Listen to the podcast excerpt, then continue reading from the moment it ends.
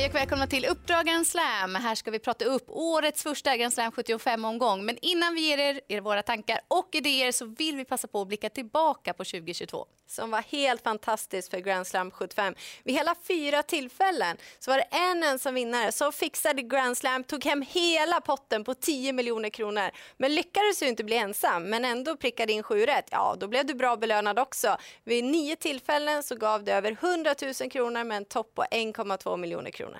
Bra potential i spelformen som denna vecka beger sig till Östersundstravet. Som har ett roligt och oftast händelserikt upplopp. Det är långt, 218 meter och det är klart färre spetsvinnare än genomsnittet i landet.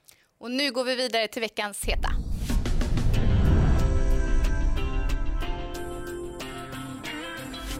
I den andra avdelningen är det rätt att nummer fem Emily bär favoritskapet men hon är inte att lita på. Det har blivit tre galopper på fem starter så jag vill lyfta fram en skräll och det är nummer åtta Celine P som återkom senast efter tre månaders frånvaro. Jag tycker att hon levererade en bra insats direkt. Kommer vara vassare med det loppet i kroppen, gynnas av ett litet fält och jag är inne på att det kan bli karriärens första seger för Celine P på söndag.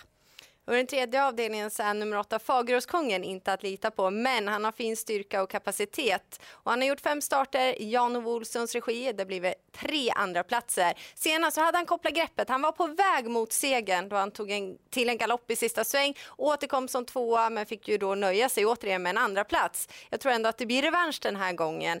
Jan-Ove Olsson han har haft ett eh, riktigt bra år. Han har höjt segerprocenten och närmar sig 3 miljoner inkört som tränare. Och går vi till den fjärde avdelningen så gjorde nummer två Debonair Mary debut för Daniel Wäjersten senast och det blev seger direkt. Fick riktigt tuff press ut på slutrundan och han visade såväl styrka som fin moral. Jag tror att den här segern följs upp med ytterligare en seger. Och I femte avdelningen så har nummer ett Team B bra kunnande men han har inte riktigt fått till i Jan-Olof Perssons regi. Senast så återkom han efter uppehåll och han kördes rätt så offensivt. Det, det såg verkligen ut som att man trodde på honom. Krafterna räckte inte den gången men med det här loppet i kroppen så känns han farlig att glömma bort. Och den sista heta hittar vi hos veckans profil som är Per Linderoth.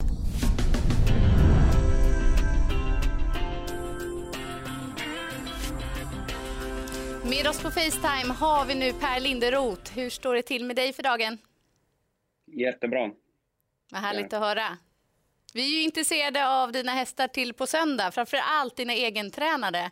Om vi börjar med eh, nummer sju, Young Mistress i den fjärde avdelningen. Vad säger du där? Två raka segrar i din regi. Ja, hon har varit fin. Första loppet var ju väldigt billigt lopp så att det sa väl egentligen inte så mycket. Men eh, senast så, så var hon verkligen rejäl och, och hade gått eh, mycket framåt med första loppet hos oss. Då.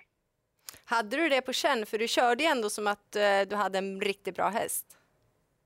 Ja, kanske inte innan vi åkte ner till Sundsvall, men hon, hon kändes så jäkla fin den där dagen. Eh, så att, eh, ja, man fick väldigt bra känsla kring, kring henne. Så att, eh, jag um, körde precis som det kändes och hon var, hon var, var verkligen så fin som, uh, som jag fick feelingen av under, under dagen där efter värmning och provstarter och så. så. Då kunde vi spänna bågen lite. Två lopp i kroppen nu, tror vi att hon ska vara ännu bättre till den här starten? Ja, men alltså det är inte kanske inte ännu bättre, men kan de vara på samma nivå för, så, så kommer det nog räcka en bit, det tror jag. För det var inte botten i henne senast. Nej, om vi går till avslutningen så har du ju otroligt läckra sex Money Smile ut som återkom senast och var ju då riktigt bra som tvåa, nära att han hann dit. Vad säger du om dagsstatus nu?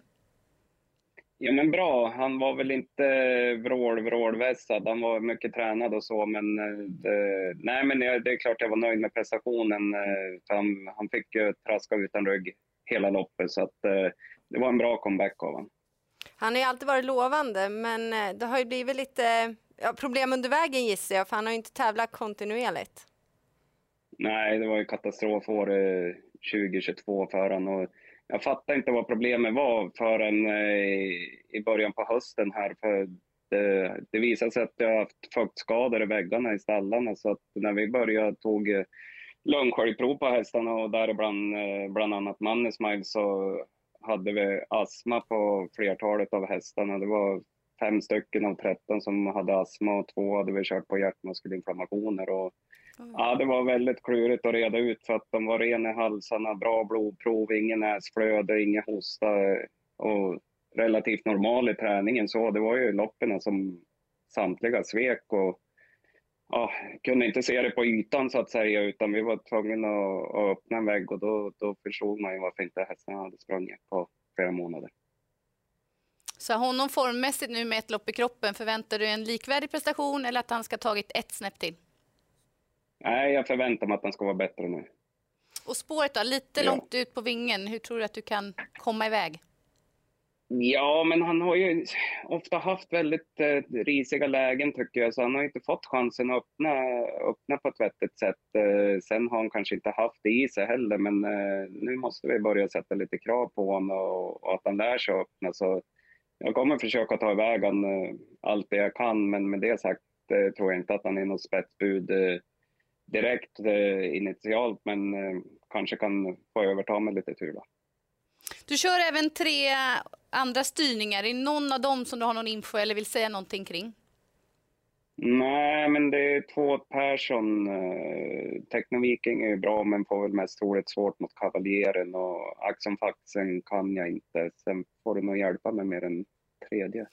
Det är Axon ja, Faxen, ja. Och Delicious det är, det, är Delicious. Mm. Det är ju den blended, har du koll på. Blended. Ja, herregud.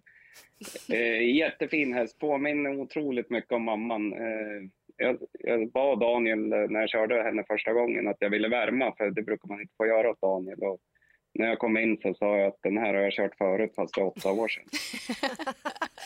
Vilken härlig känsla. Det var kopia. Ja.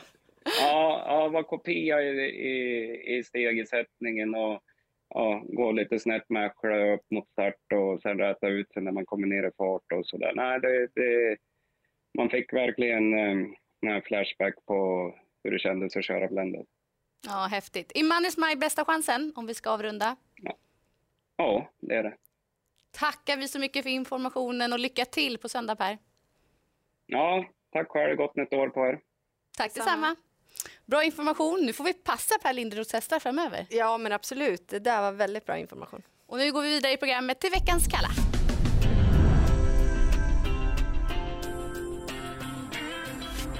I den tredje avdelningen så står nummer 11 Nylander perfekt inne på pengar och har två segrar i raden. Men båda karriärens segrar är tagna över kort distans och nu handlar det om medeldistans. Dessutom så galopperade han i senaste starten och är inte helt att lita på.